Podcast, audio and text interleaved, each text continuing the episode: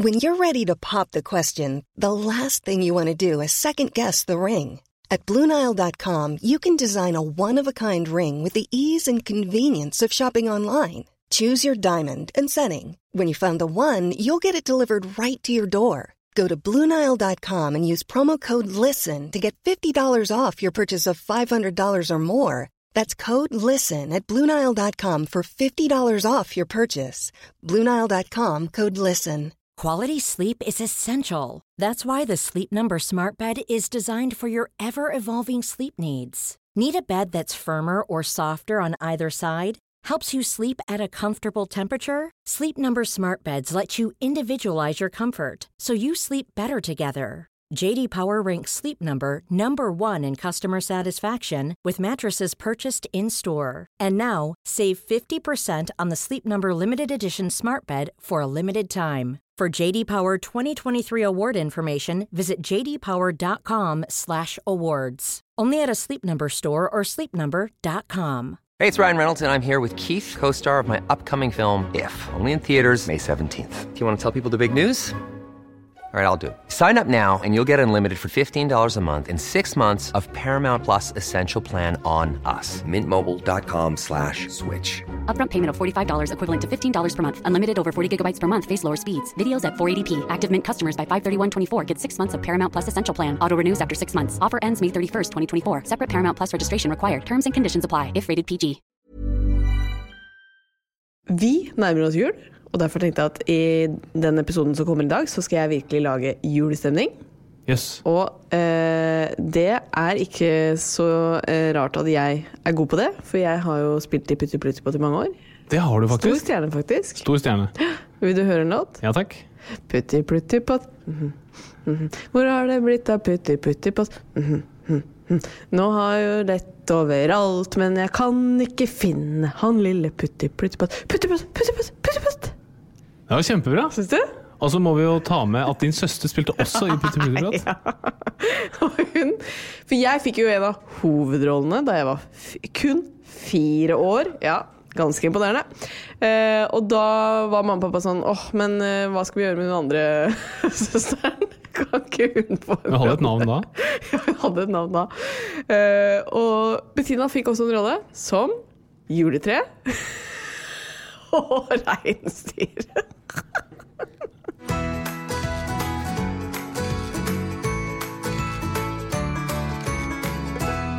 Hei sann, og så hyggelig at akkurat du hører på vår podkast Åpen journal. Bare hyggelig. Eh, vi skal gjøre det vi kan for å få dere i godt humør i løpet av dagens episode, ehm, som også er vår siste episode før vi tar juleferie. Og inn i juleferien så skal dere få med dere et lite tips om vår annonsør, som er Boots apotek. For dersom du skulle trenge hjelp fra noen fagfolk gjennom julen, til f.eks. For forkjølelse eller andre vondter, da er Boots apotek veldig gode på å gi gode råd og tips til deg. Og tar du turen innom Boots apotek, så kan du være sikker på at du får hjelp fra dyktige farmasøyter og autorisert helsepersonell som hjelper deg å finne løsninger på dine helseutfordringer. Ja. Men her og nå så skal det straks handle om eh, noe som er den store snakkisen om dagen, nemlig koronavaksinen. Eh, Og vi skal gjøre det veldig enkelt for dere eh, og forklare det aller viktigste som du trenger å vite om eh, den. Vi skal også lære hvordan vaksiner virker, og alt dette på en veldig enkel og forståelig måte. Når kan vi gå tilbake til en normal hverdag? Eh, Er det grunn til å være skeptisk til denne vaksinen? Alt dette skal du svare på, Harald Doblei. Det er helt riktig. Åh, jeg skal bare før Altså, eh, har du også veldig lyst på kaffe? Ja. Fordi vi gikk eh, tom for kaffe på lørdag. Spennende historie. Jo, men vet du hva? Og i dag er det mandag, og det betyr at søndag var uten kaffe. Det var det ikke, for det var én kopp kaffe igjen på søndag. Ja, den fikk jeg. Den fikk du. Og jeg hadde altså den eh, beste lørdag og søndag. Eh, søndagen. Fordi jeg er rett og slett eh, uthvilt. Jeg er blid og fornøyd, og det er fordi at eh, i helgen så fikk jeg julekalender av deg. Nei. Du får julekalender av meg 24 dager i strekk. Eh, det har du fått de siste årene. Eh, jeg har ikke fått det av deg, men i år så får jeg det visstnok lørdager og søndager. Yes. Så på lørdag så våknet jeg opp til en overraskelse at jeg i det hele tatt fikk julekalender. Mm. Og så var det jo da en gave at jeg skulle få sove på eget rom og sove så lenge jeg ville. Altså, det er søvn, folkens. Til dere som ikke har barn, nyt det. For søvn er så digg. Så øh, ja, derfor er jeg kanskje litt ekstra godt humør i dag, da. Det gleder meg. Ja, tusen takk. Jeg er veldig glad for at du ble glad for den. Men du som alltid klager på julekalendergavene mine, Ja. eh, er du fornøyd så langt? Ja, i år har du vært veldig flink. Er det sant? Ja, Det bærer preg at du har brukt tid og lagt eh, kjærlighet i det. Alt er kjøpt på nett, bortsett fra fem gaver som er kjøpt et sted mellom Makrellbekken T-banestasjon og der vi bor på Holmen. Ja, Akkurat det er jeg veldig skeptisk til. Men de gavene jeg har fått nå, er veldig bra. Og at jeg har kjøpt på nett, trenger jo ikke å bety at det er noe dårlig. Fått så mye fint. En ting jeg vurderer å gi deg, Ja. eh, er jo boksere. Jeg fikk en enorm respons på Instagram her om dagen fordi jeg la ut en story av eh, dine boksershorts eh, som har masse hull i seg. Du har da masse hull liksom i linninga oppe i livet, men du har også et, ett hull midt under eh, skrotum. uh, og jeg skjønner jo ikke greia med det, men visstnok så viser det seg at dette er noe veldig mange menn har. Jeg tror det. Det er, det er nok en eh, kombinasjon av at det er der det slites. Det er nok i sømmer. Og kanskje det har litt med at eh, der også er det svett som gjør at det er eh, mye vått, og da slites tøyet raskere. Ja, men det som også er fascinerende, er at dere kaster det jo ikke. Nei? Dere syns de er digge å gå i, liksom?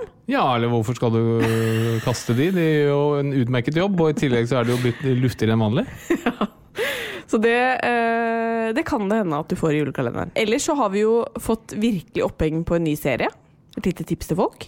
Ja. Date... Nei, hva heter det? Dating on the spectrum. Dating on the spectrum. Yes.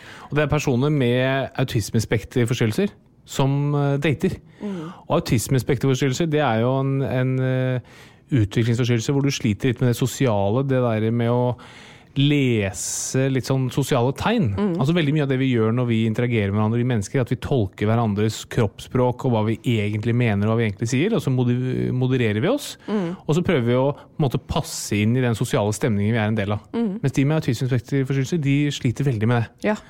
Og det å se de date er overraskende underholdende. og bli litt kjent med de er også fantastisk, for de er jo så flotte folk. Og de har en sånn unik evne til å bare si ting akkurat som de er, uten noe filter. Og det er ganske fascinerende når du ser hvor mye vi kaller uten autismespekterforstyrrelser, hvordan vi egentlig modererer oss når vi snakker med andre. Ja, ja, ja, ja virkelig. Og øhm, jeg tenker at på veldig mange måter så er den diagnosen en berikelse øh, for de som har den, øh, og også for de rundt. Og selvfølgelig følger det veldig mye med en sånn diagnose, så jeg sier ikke at det er kun en berikelse, men, men jeg har blitt veldig eh, litt inspirert av å se den serien, for at det, det er noe med å liksom måten de sier ting som det er på, men også øh, den måten de er villige til å lære seg sosiale normer på, er kjempefascinerende. Eh, fordi hvis du sier til meg sånn Du kanskje ikke gjør så mye av det, så blir jo jeg fort veldig fornærmet. Altså Vi er jo ekstremt lite mottakelige egentlig for øh, Særlig du. Kritikk. Eh, mens, mens de er veldig, veldig mottakelige for det. Jeg anbe- anbefaler den serien. Ja. Dating on Og du blir så glad i det, altså! Ja, man gjør det. Å, jeg håper de får Veldig fin gjeng. Ja. Og så er det jo til det som kanskje er min spalte, kanskje er din spalte. Oh. Nemlig den som eh, vi snakker litt om tallet episoden vår er eh, relatert til. ja. Som er en direkte blåkopi av det Jan Thomas og Einar gjør. Ja. Og da har jo dere kjente lyttere hørt meg dra innom diverse Kamasutra-stillinger. Ja. Og så var det sånn at eh, hvis jeg fant en Kamasutra-stilling som konemor her ble med på, Ja. så skulle jeg fortsette å ha spalten. Og hvis ikke, så måtte du ta over spalten. Og da har jeg en liten julegave til dere lyttere, fordi nå er dere sikkert veldig spent. Har han fått napp på disse Kamasutra-posisjonene sine, eller hva som helst? ja. Og vi fikk jo veldig mye positiv respons da vi hadde med podkastinnspillingsstudio under fødselen. Ja. Så det jeg har gjort, det er at jeg har tatt med Nei. og tatt opp lyd fra soverommet Nei. når det begås de aktivitetene som det nå begås på vårt soverom. Og ja, da Nå er jeg ikke så bekymra likevel. Nå er det bare for alle sammen å holde seg fast, for dette er tøff eh, kost. Dette er rett fra soverommet til Harald og Katarina.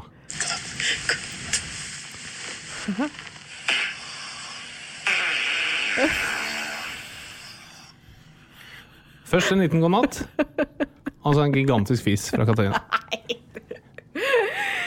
Men seriøst, hva, hva var det der? Hørte du ikke at du sa Jo, vi sier god natt. ja? Men er det Bernhard som Fiser? Ja? Ja, det kan være jeg har lagt det til etterpå. Med et klipp fra YouTube. Er det sant? Men i hvert fall en fin måte å si at den spalten her, den er din, Katarina. Er den min? Den er din. Kjempehyggelig.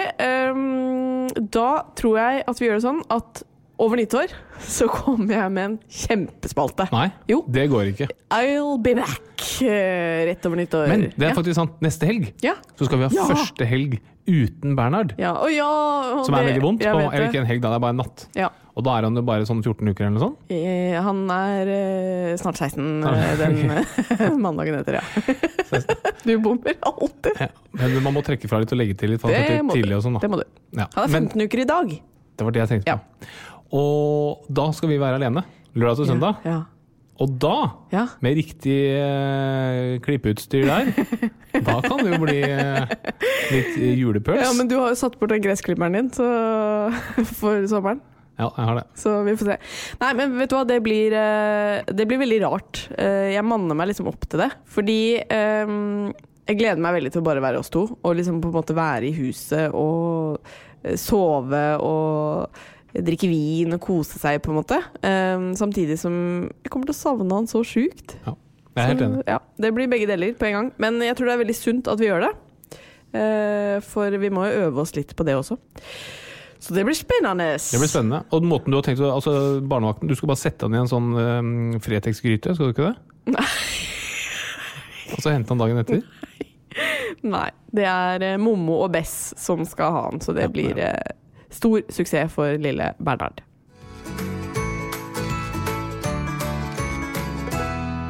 De fleste av oss venter jo i spenning på at koronavaksinen skal komme, slik at vi eh, forhåpentligvis kan gå tilbake til en litt mer normal hverdag.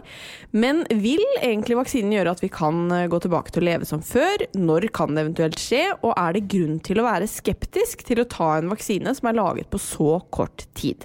Dette skal du prøve å svare på, Harald. Og du skal gjøre det veldig enkelt for oss å forstå dette med vaksiner. Så jeg begynner bare med å spørre. Eh, hvordan virker en vaksine? Ja, altså en vaksine skal jo gjøre deg immun mot en sykdom. Og immunitet det får vi når immunforsvaret klarer å lage et forsvar mot den spesifikke sykdommen. Så hvis vi tar eksempel vannkopper. Når vi får sykdommen vannkopper, så får vi vannkoppvirus i kroppen. Og da lager kroppen et forsvar mot dette viruset, sånn at neste gang vannkoppeviruset kommer, så blir vi ikke syke. Da har kroppen allerede laget et forsvar, altså vi er blitt immune. Og denne måten å bli immun på er veldig effektiv, men det er veldig ubekvemt. da, Å bli syk med vannkopper er veldig ubekvemt, og du kan dø av det.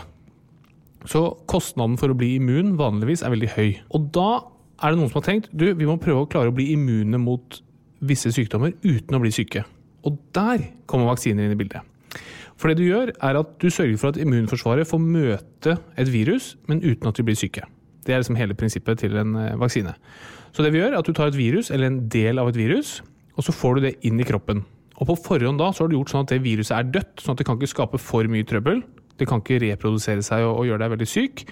Men det er jo da et virus som du eh, viser til immunforsvaret, og så klarer immunforsvaret å lage et forsvar mot dette viruset. Ikke sant? Eh, og immunforsvaret må jo aktiveres litt. Grann. Det må jo komme, møte dette viruset eller denne virusdelen og, og tro at eh, det er en sykdom, eller tro at det er et, eh, pågående angrep. Som mobiliserer og lager masse antistoffer og andre ting som gjør at vi blir immune. og Derfor blir vi jo litt sånn røde og varme. Noen ganger kan man få litt feber, og sånn, for det er en viss immunforsvarsaktivering, men ikke veldig mye. Og da blir immunforsvaret beredt til å møte dette viruset neste gang.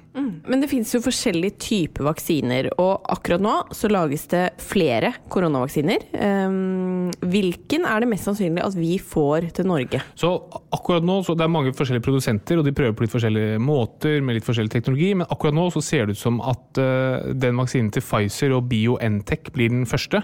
Og den har allerede eh, blitt begynt å rulle ut i Storbritannia. Altså de har begynt å gi denne vaksinen til mennesker i Storbritannia. Eh, er det på en måte litt sånn flaks for oss, holdt jeg på å si, at de prøver den eh, litt tidligere der enn her?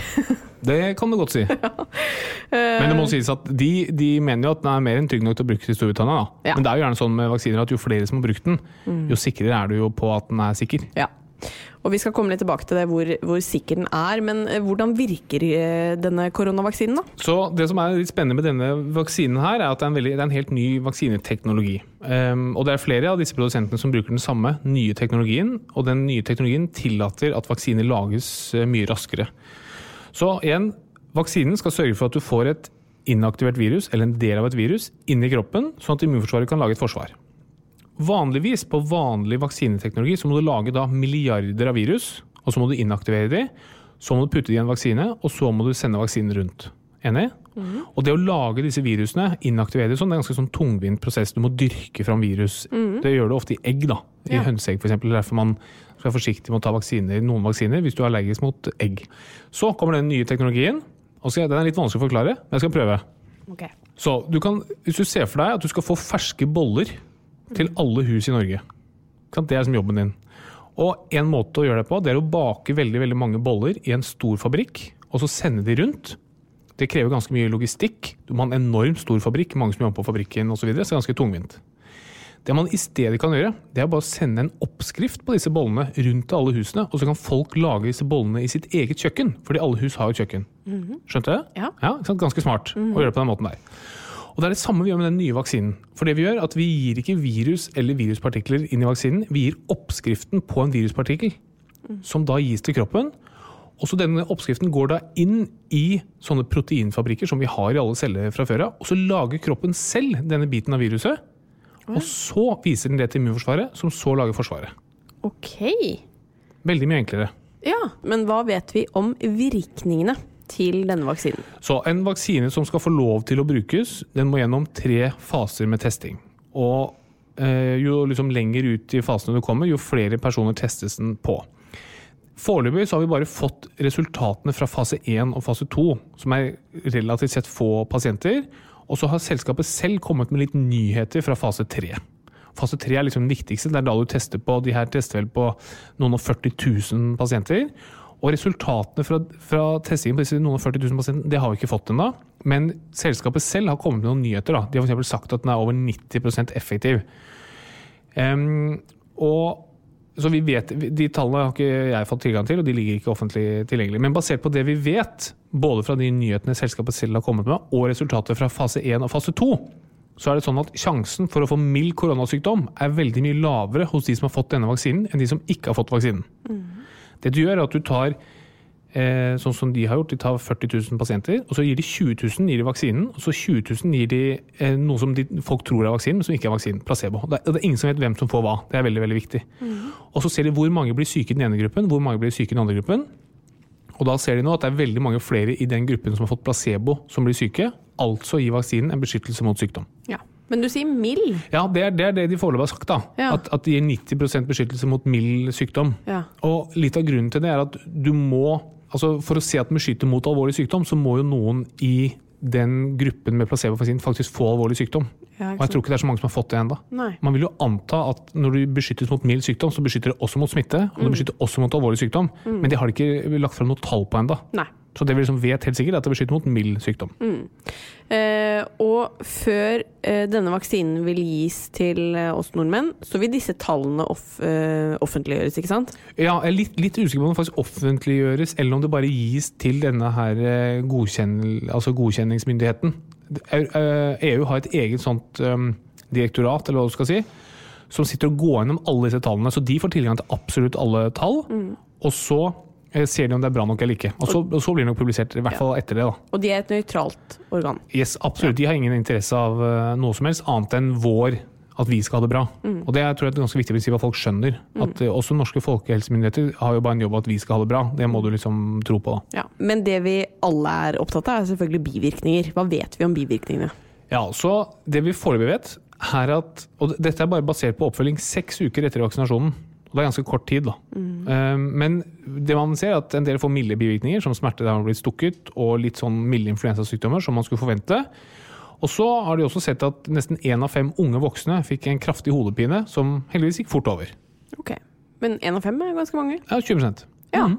Men uh, du sier at de, de, har bare fulgt de opp uh, etter seks uker. Jeg tenker jo at Kan ikke bivirkningene komme lenge etter det også?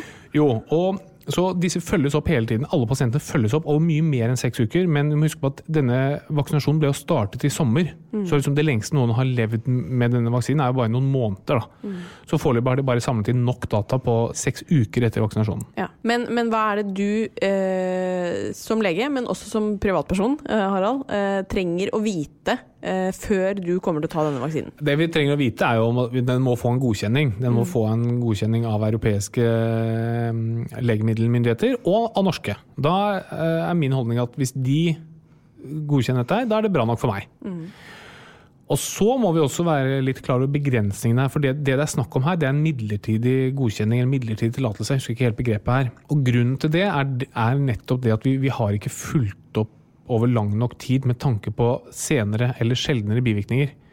Og det er jo en risiko man kan velge å ta eller ikke. Og så sier da europeiske helsemyndigheter og norske sier at ja, den risikoen er vi villig til å ta, eller vi er ikke villige til å ta den. I Storbritannia har allerede nå sagt at vi er villige til å ta den risikoen fordi pandemien er såpass ute av kontroll.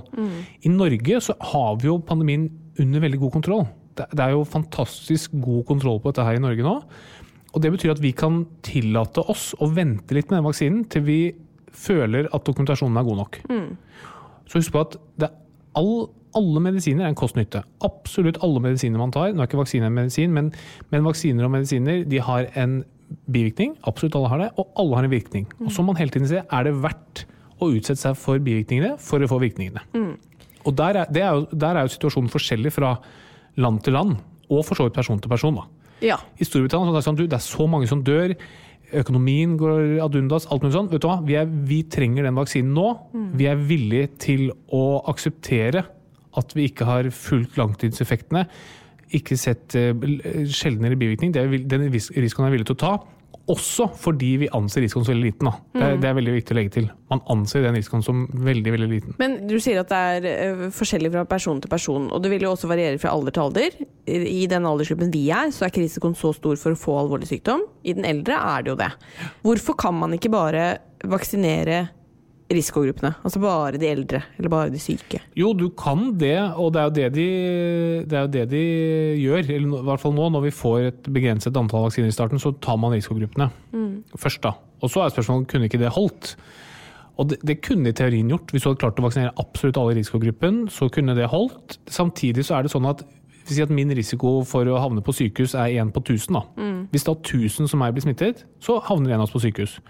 Og når det tallet blir stort nok, så, det, så, så fyller du opp sykehusene. Så selv om det ikke er farlig, hvis det er mange nok som blir smittet, så blir det ganske mange som må inn på sykehus og tar plass der, da. Ja. Det som kan virke litt skummelt med denne vaksinen, er jo at det har gått så fort. Eh, vi hører at det, tar normalt opptil åtte år å utvikle en ny vaksine, og denne gangen har det tatt et par måneder, eh, under et år.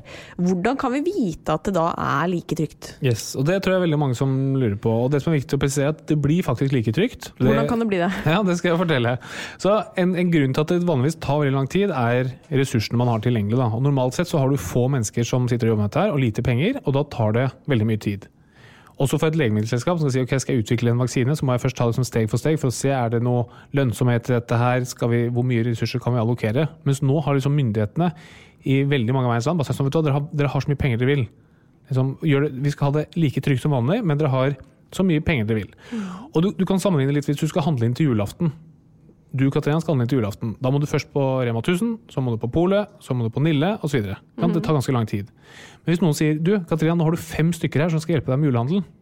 Da kan én gå på Nille, samtidig som en annen går på Vinmonopolet og en tredje går på Rema 1000. Da går det jo veldig mye fortere, men kvaliteten blir jo ikke noe dårligere. Ok, Men en annen grunn til at folk er redde, er jo bl.a. Um, etter det som skjedde med vaksinen som ble gitt i forbindelse med svineinfluensaen. Uh, for da ble 45% av befolkningen vaksinert her i Norge. Og flere barn skal ha fått narkolepsi som en følge av denne vaksinasjonen. Kan ikke du fortelle litt sånn kort hva som skjedde? Jo, og det som skjedde, det var at den svineinfluensavaksinen det økte risikoen for å få narkolepsi med si opptil ti ganger, da, for å ta i litt. Grann. Ja. Grunnen til det er sannsynligvis at svineinfluensaviruset det ligner litt på et protein i hjernen som vi trenger for å regulere søvnen. Så når man ble vaksinert, så var det noen, og særlig de som hadde en disposisjon fra før av i immunforsvaret, som gjorde at man også ble, man ble immun mot svineinfluensa, men du ble også kalt immun mot det proteinet du trenger i hjernen for å regulere søvn. Da. Så du fikk en autoimmun tilstand hvor immunforsvaret angrep dette, dette hormonet, dette proteinet. Og dette var en veldig sjelden bivirkning, og man så ikke denne bivirkningen før man hadde eh, vaksinert flere titalls og hundre tusen pasienter. Og det var selvfølgelig katastrofalt at man ikke visste om dette før man startet vaksineringen. Samtidig så er det veldig vanskelig å oppdage så sjeldne bivirkninger. Ja, Du sier sjeldne, men sa du ikke at det var opptil ti ganger større risiko? Jo, Ja, men Det risikoen, høres mye ut. yes, men risikoen i utgangspunktet er ekstremt liten. Jeg tror det er én av 100 000 eller sånn som, som får dette her. da. Vaksinen var jo for så vidt effektiv mot svineinfluensa, og den forhindret jo mye sykdom og død. Så du fikk en del fordeler, men du fikk dessverre også en del ulemper. Og når det kommer til vaksiner, så aksepterer vi veldig veldig få ulemper. Ja. Men hvis du ser på det fra et samfunnsøkonomisk perspektiv, så Ja. er det ikke en, det ikke en så Altså nettogevinsten her, eller altså sum, nettosummen er ikke så katastrofal. Nei. For du fikk beskyttet mange mot sykdom og død. Altså Mange færre fikk ME, færre dødfødsler og spontanaborter og sånn. Det var fordelen. Ulempen var at eh, en del fikk narkolepsi. Og jeg er helt enig at det er forferdelig, det er tragisk. Jeg prøver ikke å liksom Bare så alle skjønner det. Men, eh, men jeg, jeg tror ikke det har vært et veldig nyansert bilde av risiko versus nytte her. Nei. Men det er jo en grunn til at det, det skaper litt skepsis, og det er jo at man eh, har gitt vaksiner tidligere som eh, ga noen eh, bivirkninger. Ehm, Hva tenker du som lege om alle disse skeptikerne som nå ikke har utdannelse innenfor faget, men som ytrer sin skepsis eh, ganske så høylytt i det norske samfunn? Det er veldig fint med en åpen dialog. Det er veldig fint at alle kan eh, mene hva de vil. Alle som driver med vitenskap er veldig høye på seg selv sånn fordi de mener at vitenskapen er urokkelig, og da må vi også kunne stå imot sånne påstander som det. For det er, sånn er vitenskapen konstruert. Det jeg sliter veldig med, det er hvis man går imot vitenskapen. Hvis man ikke stoler på vitenskap. Det, det provoserer meg det provoserer meg egentlig altfor mye. Jeg burde ikke la meg provosere så mye, men, men, det, det gjør det, da. Fordi alle skal være skeptiske. Jeg er også skeptisk. Det skal man være. Jeg tror leger er mer skeptiske enn enn de fleste. Men, men når man går over at man ikke tror på forskningsresultater, f.eks., eller man tenker at myndighetene holder ting skjult, da er det over i konspirasjonsteorier. Og det liker jeg ikke noe særlig. Men eh, det vi alle håper er jo at når denne vaksinen kommer, så er vi all good, og vi kan gå tilbake til den normalen. Hva er dine tanker rundt det? Eh, ja, det er jo absolutt målet, og det, det tror jeg nok. Jeg bare tror det tar mye lengre tid enn mange tror. Jeg tror ikke vi er i normalen før i 2022. Og liksom helt normalen tror jeg tar lang tid. Eh, fordi du er nødt til å vaksinere mange nok. Du er nødt til å se at eh, effekten er god, og så blir det noe utbrudd her og der. Og så er det liksom hvilke tiltak skal man gjøre for å begrense de utbruddene. Og så vil du feriere til Spania, men der har ikke alle fått vaksinen. Der er det en annen type vaksine. Så jeg, jeg tror det meste av 2021 går til dette her også. I, men i mye mindre grad. Mye, mye lettere restriksjoner. Og vi så jo hva som skjedde våren og sommeren i år. Det var jo veldig mye lettere da. Så det tror jeg skjer. Men, men helt normalt, ikke før 2022. Vi har i hvert fall fått rydda opp i uh, mange spørsmål rundt uh, vaksiner. Er Skal du ta den? Uh, jeg sier som deg at når alle resultater foreligger, og hvis norske myndigheter da sier at dette er trygt, så eh, mener jeg at da eh, bør man stole på norske myndigheter og ta vaksinen. Altså, hvis det er en, hvis det er en begrenset eh, godkjenning, som det jo blir, som, som da, hvor man da direkte eksplisitt sier at her vet vi ikke om alle potensielle eh, sjeldne bivirkninger, så vil jo jeg argumentere for at da må man gi den til de som har mye fordeler av å få den, og som kan tåle bivirkningene, og ikke til de som ikke vil akseptere en bivirkning. Jeg ville ikke akseptert at Bernhard fikk en bivirkning fordi vi skulle spare de over 80 hvis ikke de får vaksinen først, f.eks. Ikke sant? Men jeg, jeg, jeg tror vi må ta en ny runde om dette her i januar. Det føler jeg også. Og det blir veldig spennende. Ja, det blir veldig spennende. Hvor er vi da? Um, men uh, for nå så er vi avventende, men positive til at det er en vaksine på vei. Utrolig kult, veldig bra. Forskningsresultatene høres kjempebra ut. Dette er Alt lover veldig bra, men uh, å ta den nå tror jeg for meg ville vært altfor prematurt. Men i januar kan det absolutt være aktuelt når vi får se tallene.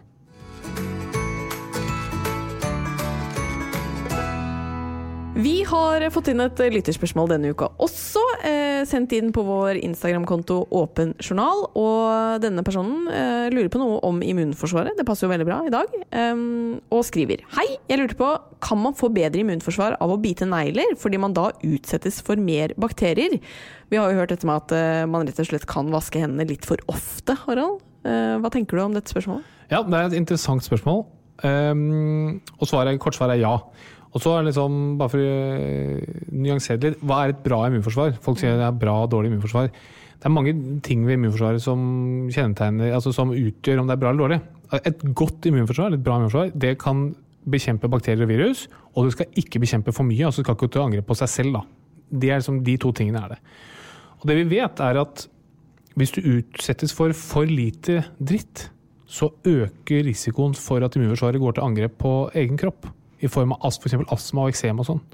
Så du ser et barn som f.eks. har jordunderlag i barnehagen, som er i kontakt med jord, de har mindre av disse eksem og astma og disse autoimmune, til dels autoimmune sykdommene enn folk som er liksom i helt rene omgivelser. Ja. Og basert på det så kan man tenke at ok, biter du negler, så kommer du i kontakt med mer fremmed greier som, og mer skitt som immunforsvaret må sitte og jobbe litt mot. Altså øh, får du mindre autoimmunitet. ja. Ikke sant. Nå vet jeg hva slags barnehage Bernhard skal gå i, hvert fall. Yes. Fint. Da har vi fått svar på det.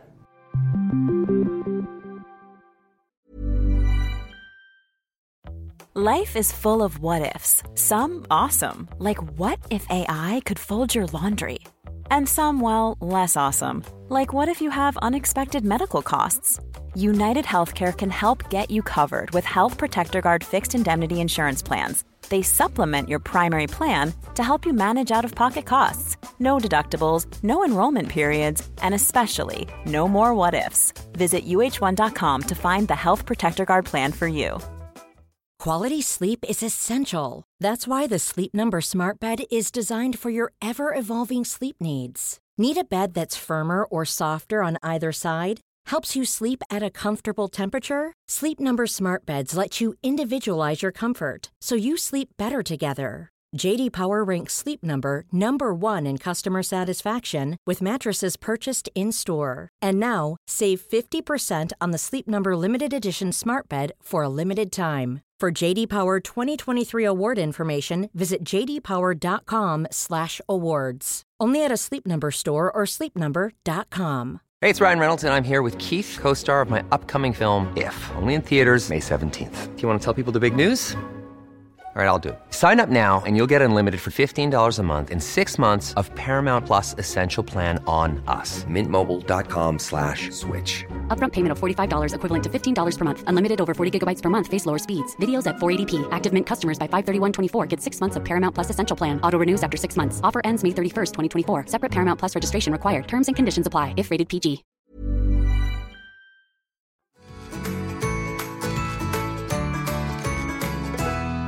Vi har fått besøk av komiker, programleder og skuespiller Håvard Lilleheie. Hjertelig velkommen. Tusen takk. tusen takk. Først må jeg si at jeg er, eh, jeg er bitte litt skuffa. Oi. Ja, men det, det, er, det er ikke Og det er ikke personlig til deg, Harald, men eh, Å nei. Nei, men Nå da, er jeg spent. Da, eh, da jeg fikk forespørselen, så hørte jeg at det var podkast I hvert fall hørte hjernen min Ja. at det var med Katarina og Halvard Flatland. Ah, ja, men det skjønner jeg. Og da tenkte jeg det Det må En på. podkast om helse med Katarina og Halvard Flatland. Det er såpass, jeg. Og hva, hva er det Hal- hva Halvard oppi her med denne gangen? Og helse? Ja, han har jo hatt sitt, og faen, det er kult han byr og altså, Det er kjempegøy. så, Jeg, jeg tror til ditt forhold, jeg tror alle er litt skuffet over at det er meg og ikke Halvard som sitter her. Nei, det, det, til og med folk er skuffa over at det er meg og ikke Halvard som sitter her. Ikke Katarina, for at hun er jo ikke sant, er Hun skuffer ingen. Nei, nei, nei, for hun er jo en del av dynastiet. Um, men alle oss andre er litt skuffende at vi er her. Ja. Ja. Men vi får, vi får gjøre det beste ut av det. Ja. Det er kjempegøy. Men du er jo ikke bare disse fine tingene som Katarina, så du er jo også en forfatter. Eller heter Ja, det når du, du tar andre sitater og Men du, det, det heter fortsatt forfatter? Ja, jeg har jo, jeg har jo foretatt intervjuene Ja. og plukka ut de sitatene som uh, har vært noe. Du har skrevet en bok som heter eh, 'Store tanker fra små hoder'. Ja. Som er si- sitater fra forskjellige barn. Ja. Om, om litt store ting i livet. Ja, ja, ja, og, ja, og det er liksom i den sammenheng om man da Spørsmålet ditt er jo helt eh, lov å spørre om det. Om det er du kan være forfatter når du bare skriver opp det andre sier. Eh, men eh, det er relativt stor sidejobb, altså. Mm. og mye sånn Jeg har gått gjennom mye sånn, eh, sånn iPhone-filmer med, med barn som snakker, eh, etter at jeg intervjua dem.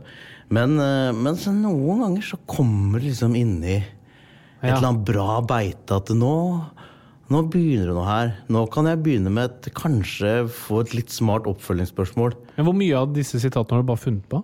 Nei, det er ingen, altså. Nei, er det ikke det? Fordi du, du må jo være litt fristende og bare tenke sånn åh, hadde vært litt fett hvis han sa dette. Ja, altså, det, Man kunne sikkert klart det, altså, men akkurat som det nesten har tatt like lang tid, fordi de, de sier jo ting som er rare på sin måte. Ja, så da du må helt inni kunne nok klart det, men eh, da måtte jeg stilt om, altså. Og bare, hvis jeg hadde hatt en sånn mal Hvis jeg hadde lest alle sånne sitatbøker som var gitt ut før, Ja.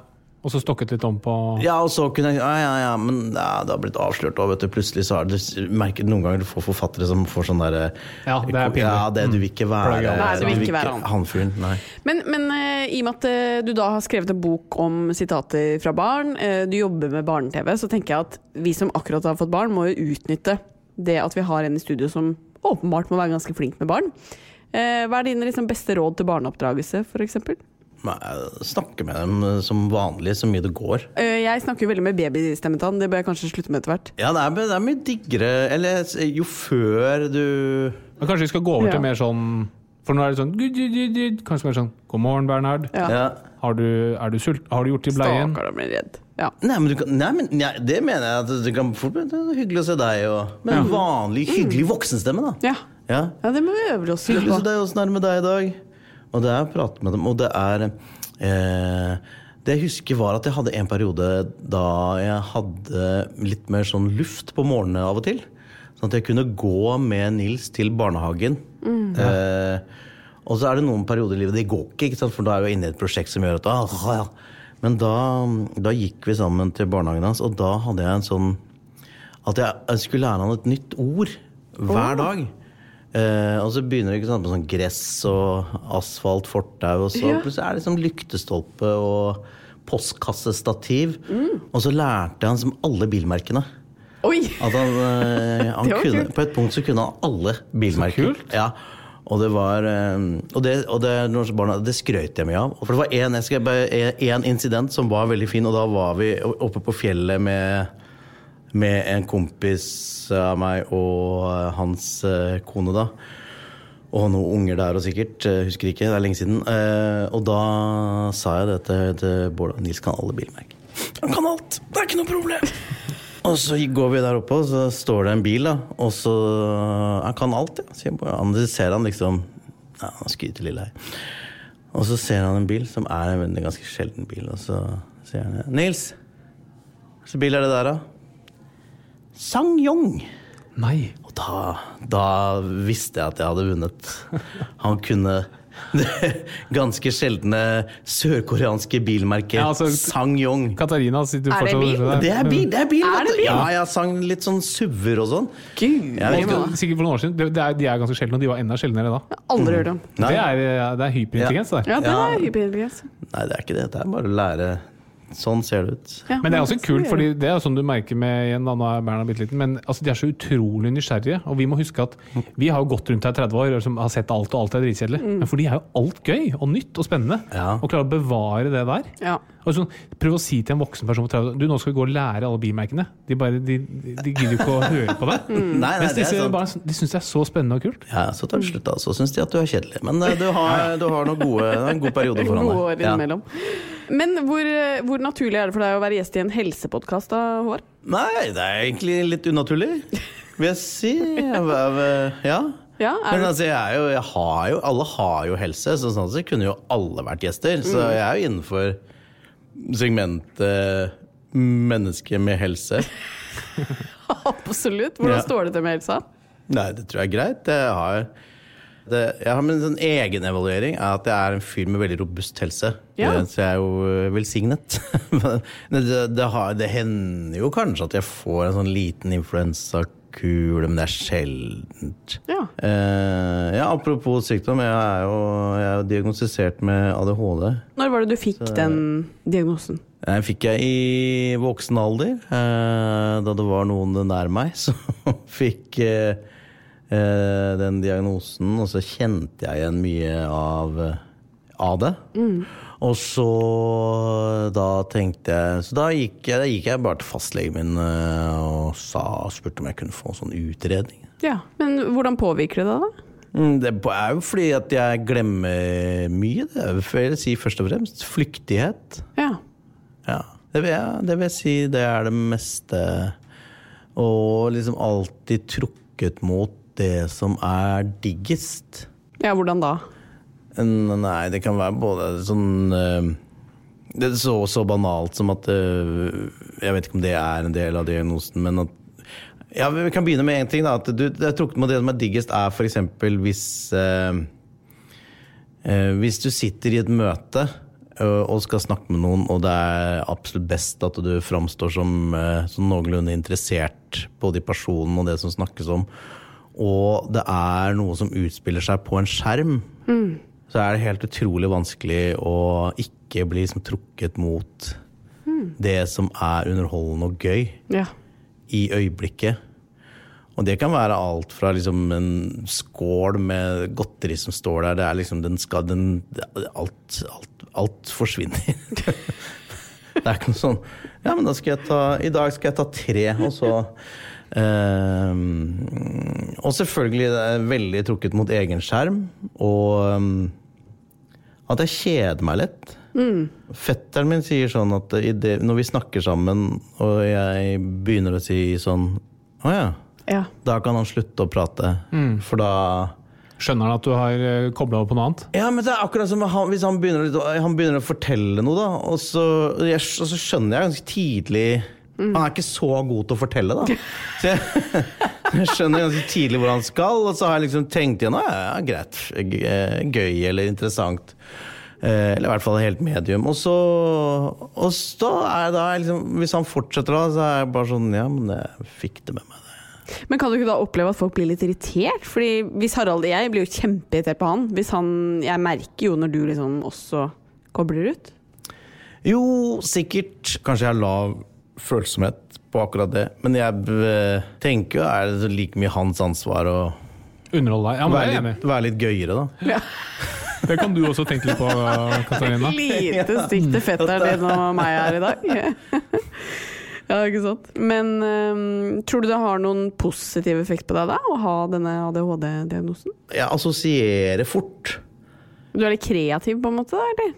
Ja, ja det, jeg, altså, det scorer jeg høyt på. Ja. Eh, og så er det eh, Jeg scorer høyt både på aktivitet og kreativitet. Og helt ekstremt lavt på orden. Så det er en ganske vanskelig kombinasjon, ikke sant? for du har så mye du inni deg som du skulle ønske du kunne utrette, og noen ganger går det jo, men, som du skulle ønske, men så er det liksom alltid noe som jobber imot, ikke sant? En, både en sånn rotethet og en flyktighet. Så det Er dette litt sånn typisk Harald? Ja, absolutt. Men ja, det er det, det, er det definitivt. Og, um, men husk på, det, vi har liksom lagt opp et samfunn som er ganske sånn uniformt. Da, og Særlig med skole. Ikke sant? Nå fikk vi den diagnosen i voksen alder, men, men ikke sant? da begynner du på skolen, da slutter du på skolen. Alle har samme lekser, alle har stort sett de samme lærerne og samme måten å lære på. Men det å ha noen som tenker litt annerledes, har litt annen evne til assosiering, er jo utrolig viktig for kreativiteten og for det bidraget der. Og så vil man selvfølgelig da score dårligere på orden, eller liksom kunne innfinne seg med liksom det som anses som normalt, eller innenfor de gitte rammene. Men det er utrolig viktig å ha noen med akkurat dette her. Tenk så kjedelig hvis eh, alle var helt like. Ja, og så, og så er det jo, ikke sant, en subjektiv diagnose så, som gis da av av fagfolk, selvfølgelig. Eh, så det, det gjør det jo den delen av helsen mer sånn Det er jo interessant. Ja da, det er veldig og eh, Vi har snakket så vidt litt tidligere i dag om sånn autismespekter. ADHD er også sånn spekter. Det er også sånn, Hvis du ser på ADHD-diagnostiseringen i landet, så den, den varierer en, en del eh, i de ulike kommunene og i fylkene og liksom med de ulike legene som gir disse diagnosene. Så det er veldig mye subjektivt både på pasientsiden, men også på legesiden. da. Å se på antall med diagnosen ADHD i dag kontra for 50 år siden. Og det, Ja. det er ikke nødvendigvis sånn at det var mindre eller mer nå, men man har mer fokus på det. Og så det man, og det tror jeg har vært veldig vanskelig, men det man kanskje i gamle dager kalte kalt bare dårlig oppdragelse, eller at ikke folk har blitt stramma opp nok på hjemmefronten, Ja. det, det var liksom sånn du, for 50 år siden, mens i dag er det ADHD. da. Men hva tenker du om medisinering, da? For det fins jo medisiner som kan på en måte gjøre at man øh, kanskje får litt mer orden i Ja, Tankene? jeg, har valgt å ikke medisinere meg sjæl, og ikke de rundt meg. Eh, men jeg veit ikke om det er riktig. Jeg, det, Har du prøvd, da? jeg har ikke prøvd. Nei. Det, det er bare redd for at du liksom skal miste deg sjæl, da. Mm. Hvorfor skulle du hatt medisiner?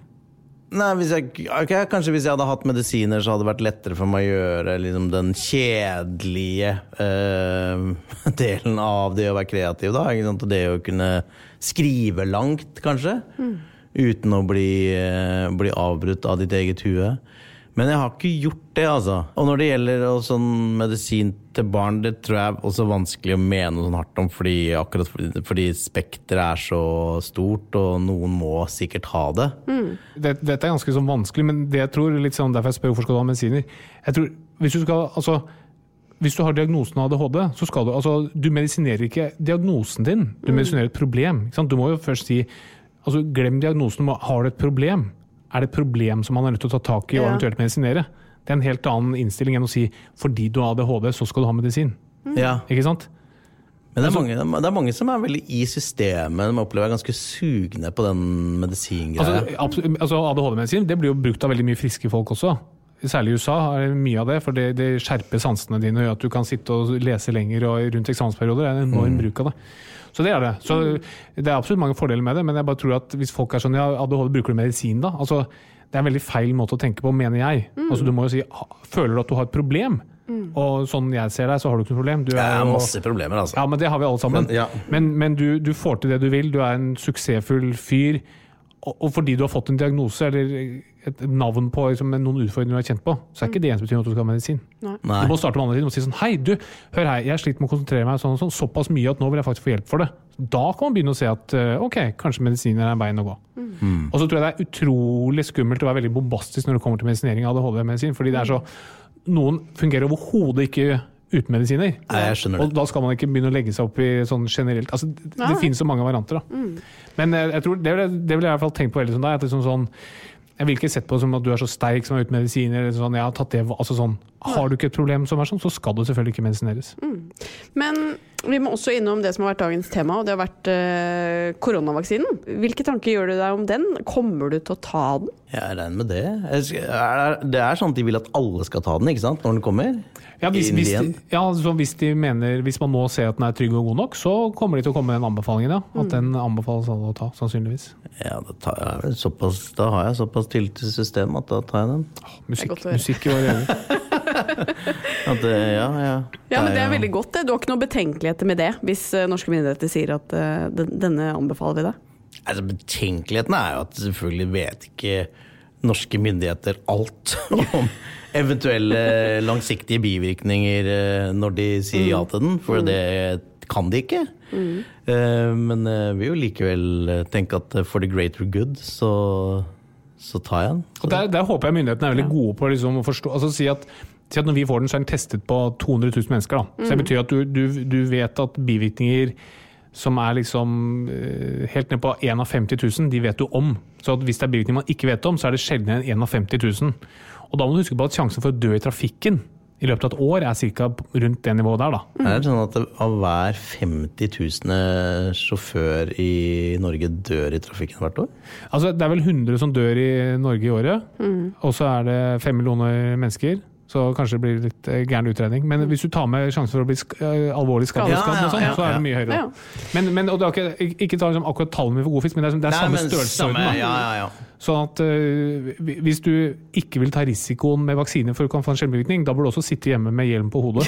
Ja, det var, det var I New York så hadde de, var det et sånn isolert religiøst miljø der de ikke tok vaksine. Ja. Så de fikk sånn utbrudd av ah, Kan det ha vært meslinger, meslinger? Meslinger, ja. Jeg tror det var det. Og sånt, det på en måte plutselig var jo ikke Da blir jo ikke befolkningen generelt immun lenger. Det er jo vanlig en slags sånn eh, brøk der. Og da eh, gjorde tror jeg myndighetene i New York, sånn som jeg skjønte det, sånn at de sa ja, men vi, vi kan ikke tvinge deg til å ta vaksine. Det er opp til deg det, om du vil vaksinere deg sjæl og barna dine. Eh, Men eh, hvis, så det er opp til deg. Men de kan ikke gå på skole, og du kan ikke gå på jobb. og helst ikke i butikken. Ja. Eh, Sånn at de bare Alt de kunne innskrenke personens Ja, men det er frihet. Ja, det er opp til deg, vet du, vaksine, men eh, da må du bli her. Ja. Jo, men det var, men det var, det var en barnehage, en, en eh, norsk barnehage som prøvde på akkurat samme. Så at hvis du har uvaksinerte barn, så får du ikke lov å komme i denne barnehagen. Men eh, hun eh, barnehage som lederen der ble drapstruet, og det var jo forferdelig. Så måtte avvikle det tilbudet. Men jeg liker liksom tanken. Ja. Jeg ble drapstruet, ja. Ja, at disse som er mot vaksiner, ja. de, de er en eh, litt sånn tøff gjeng, da. Så man skal passe seg litt der. De har ikke, jeg føler de er, de, er, de er flinkere til å drapstrue enn å drepe. Det, det tror jeg. jeg tror det, jeg tror det, går, det går mange drapstrusler per drap. Ja, per drap, ja. Det er godt. Eh, fra drap til quiz, tenker jeg, Harald. Ja. Da er det klart for dagens quiz. Og med oss i dag har vi storfavoritten Håvard Lilleheie. Takk for det. Velkommen. Tusen takk. Og underdoggen Katarina Flatland Doblaug. Yes.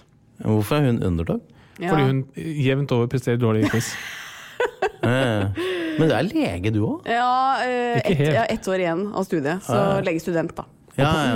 Og på det siste året, da lærer man Da lærer man utrolig mye. Da, da blir man quizverdig etter Yes. de siste tolv månedene. Jeg der. håper det. Ja. Men jeg er klar. Du er klar. Veldig godt. Vi starter med første spørsmål. Da kan vi starte med studien med Flatland. Ja.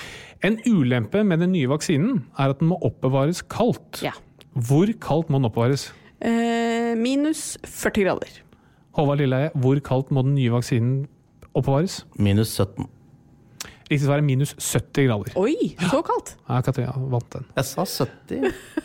Er Neste spørsmål. Håvard Lilleheie, Ja. hva betyr ordet vaksine?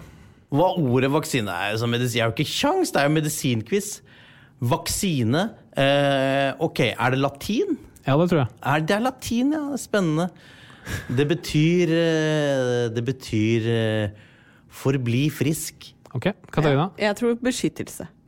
Du, snakker du spansk eller italiensk eller noe sånt? Håvard? Nei, men jeg har levd. Ja. Nei, ja, nei, det var ikke riktig. Det var ikke riktig. Det, ordet vaksine, det betyr ku. Å! Ja, nei, det Jeg synes som i dyreku. Ja, dyr ku. ja. Yes. Mm. For de første vaksiner ble laget på at du smitta en ku, og så tok noen greier ut av kuen. Og så. Ah, ja. Men jeg tror Vacas eller vaka eller noe sånt, er ikke det ku på spansk eller et eller annet sånt uh, språk? Nei. ja, nå er det Sånn er som uh... Ok, Ja. neste spørsmål. Håvard har jo vært, eh, nå har vi snakket litt om din diagnose ADHD, men hva står ADHD for? For det står jo for noe, ikke sant? Ja. Eh, Åh, hva er det? ADHD? Eh, H-en står på hyperaktivitet.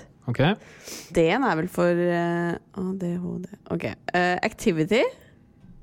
Eh, Åh, faen, altså. Håvard, har du noe å Å, jeg hadde noe på Å, jeg hadde det, hadde det.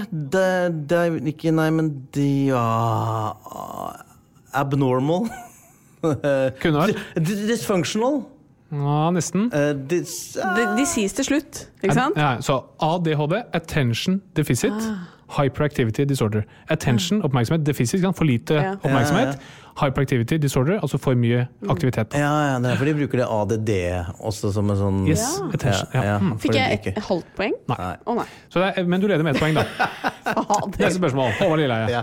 Ja. Hvor mange ganger ble låten 'All I Want For Christmas' av Mariah Carey spilt på Spotify på julaften i fjor? Oi, oi, oi. Eh, ah, hun er så svær i statene, vet du. Og de er jo 300 millioner folk der borte. Og i mer enn det, men det, alle spiller den ikke. Og mange er jo i familier, så da spiller de den, så det er færre husstander. Husk at det er kun på Spotify, da. Ja, jeg har kun Spotify. Mm, da sier jeg 10 millioner. Katarina? Var det i verden eller i USA? Eh, I verden. I verden. 10 millioner? Nei, jeg tror um, 200 millioner. 12 millioner. Håvard Lilleheie, poeng. det var ganske bra. Ja, det var utrolig bra. Det var nærme. Ja. Jula er mer din Ja, ja, ja. eh, kategori. Da er det 1-1. 1-1, helt riktig. Neste spørsmål, Katarina. Hva heter den kvinnelige artisten bak Indias mest spilte julelåt? Nei, jeg aner ikke. Håvard? Maria Callas. Mariah Curry. Å, den er fin. Eh, Neste spørsmål. Hvor mange vaksinedoser er det Pfizer har sagt at de skal lage i 2021? Katarina? Oi. Uh, oh, Hvor mange skal man tenke der, da? 200 millioner. Det er et godt tall i dag. Håvard? Oh, jeg satt og tenkte på det samme. Er det sant? Wow, det var så rart. Ja. Eh, Men jeg har men sagt det er altså 200 ja, Da sier jeg eh, 280 millioner. Ja, da er det faktisk Håvard som vinner, for de har sagt de skal lage 1,3 milliarder vaksinedoser i 2021. Oi. Men Håvard leder altså. Ja. 2-1. Og det er siste spørsmål nå. Oi, oi, Mm. Hva synges i den kjente julelåten Last Christmas? Er det alternativ A Last Christmas I Gave You My Fart? Alternativ B Last Christmas I gave you my go-kart. Eller alternativ C. Last Christmas I gave you my heart. Jeg går for B. For B? Ja. Jeg går for se. Da var det Katarina som vant! Se, ja, er bra. Og det er 1-1, da ble det likt. Nei, Det var hyggelig. 2-2 Ja, var det. Ble veldig hyggelig resultat før Ja, ja, da. Ja, det var veldig Det var ikke gokart. Nei, det var ikke gokart. Uh... Eh, Tenk på en annen sang, du. Ja, ja, ja. ja. Tenk på en annen. sang. Apropos gokart, eh, før vi avslutter så pleier vi alltid å få et lite sånn tips til vår lille nybakte sønn fra dagens gjest, uh, som han kan ta med seg videre i oppdragelsen. Altså, ikke sant? Han vet ingenting. Du starter med tabula rasa, Ja, ja, ja. så vi må lære han absolutt alt. Hvordan kan han bli en fin fyr? Det kunne være at du tenker at han skal eh, bli martyr for en religion, f.eks. Det er jo noen som lærer barna sine det. Det Ja, ikke. ja, ja. Det er, masse, det er mange alternativer. Du, Ja, ja, ja. du bestemmer. Vi, uansett hva du sier nå, vi skal lære han det. Mitt tips er å se på ting sammen med barnet. Sånn, altså, sånn i underholdningsøyemed. Eh, at eh, han ikke bare ser ting aleine, men at han ser ting eh, sammen med mamma og eller pappa. For, tenker du for det sosiale, eller at han ikke skal bli utsatt for noe som han blir redd for? Nei, jeg, jeg, eller? tenker, jeg tenker for den, den, den knyttingen som det gir. Altså, liksom, eh, eh, få sånn kulturelle inntrykk eh, sammen. Ja, Nettopp. Ja. Det ja, skal jeg gjøre. Og så skal jeg lære han alle bilmerker. Da blir han helt genial.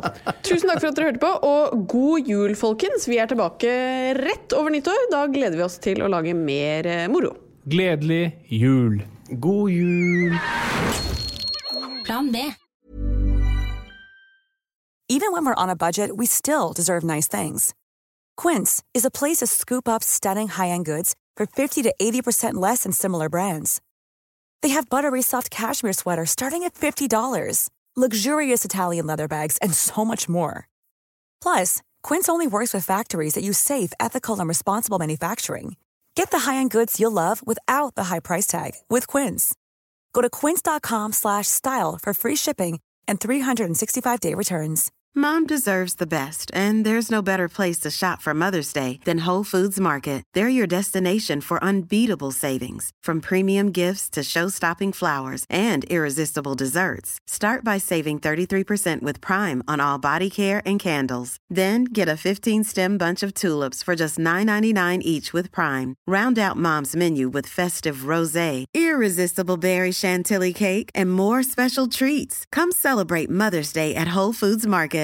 Imagine the softest sheets you've ever felt. Now imagine them getting even softer over time. That's what you'll feel with Bowl and Branch's organic cotton sheets. In a recent customer survey, 96% replied that Bowl and Branch sheets get softer with every wash. Start getting your best night's sleep in these sheets that get softer and softer for years to come. Try their sheets with a 30-night guarantee. Plus, get 15% off your first order at bowlandbranch.com. Code BUTTERY. Exclusions apply. See site for details.